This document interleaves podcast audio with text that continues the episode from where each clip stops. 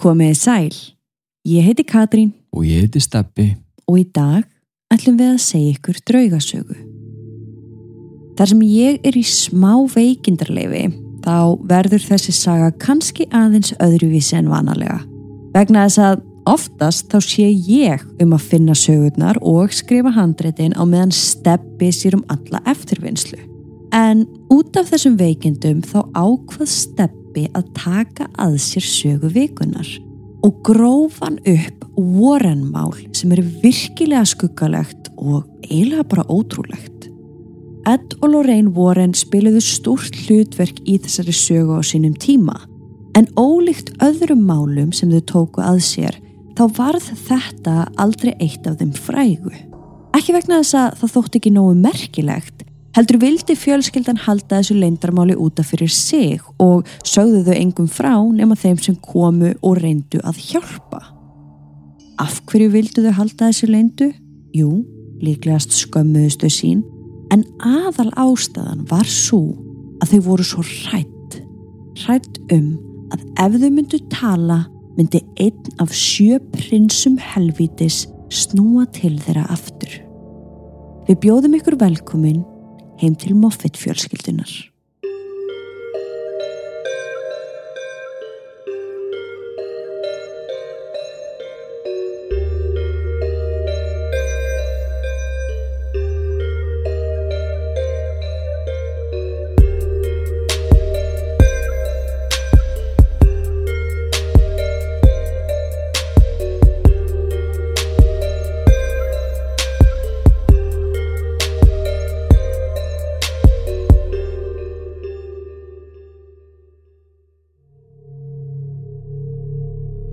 Við viljum minna á að draugarsöðunar okkar eru ekki við hæfi barna yngri en 13 ára nema með leifi fullorna.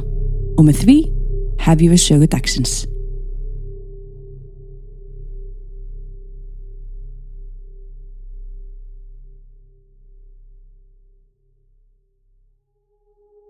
Í dag ætlum við að fara yfir átakanlega sögu Moffett fjölskyldunar.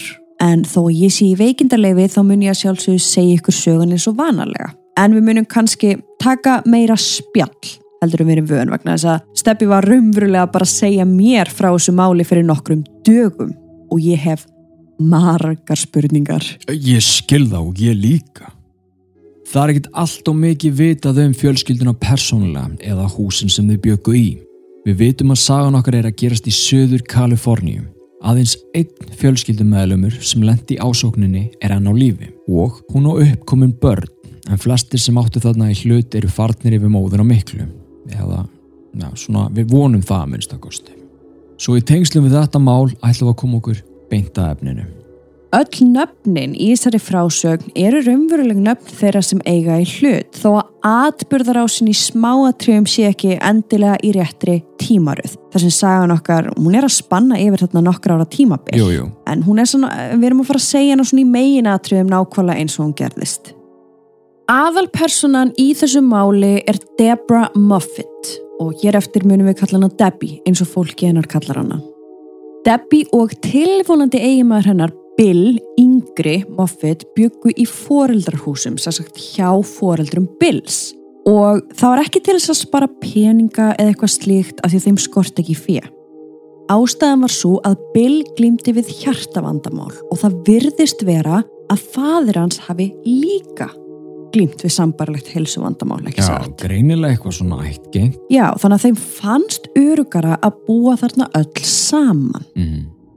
Foreldrar Bills hétu Lee og, til þess að röglega þetta, Bill Eldri, Moffett. Í húsinu við hliðin á bjóð síðan Amman, Dominika, móðir Bills Eldri og var hún að berjast við alvarleg veikindi. Já, Þannig að aðal personutnar okkar hér eru sem sagt Debbie og Bill, þessi ungu hjón, veistu hvað á hvað aldrei þau voru? mæ, Ok, en þau voru greinilega bara hefja búskap já, ætli hafi ekki verið svona um þrítug. Þau voru á færtusaldrinu. Ok, það er Debbie og Bill Moffett og svo er það foreldrarnir, Bill eldri og Lee, mamman og svo er það Amman Dominika. Já, í næsta húsi. Hún var sem fyrr öldruð að skrýða í 90 árin og hafði stuttu áður fengið alvarlegt heilablóðfall sem var til þess að hún var rúmleikjandi öllum stundum.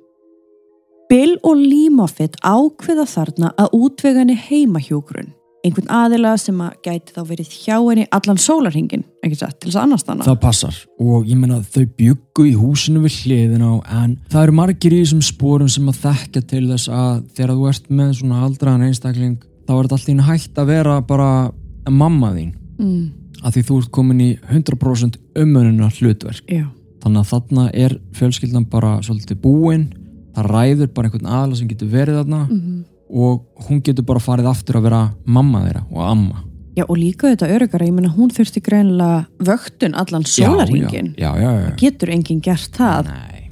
þannig að já, ok, ég skil. Svo þau ráða unga konu frá Guatemala, konu að nafni Juanita. Hún var henni mjög góð, flutti inn til hennar í lítið herbergi og þær heldur mikið upp á hver aðra.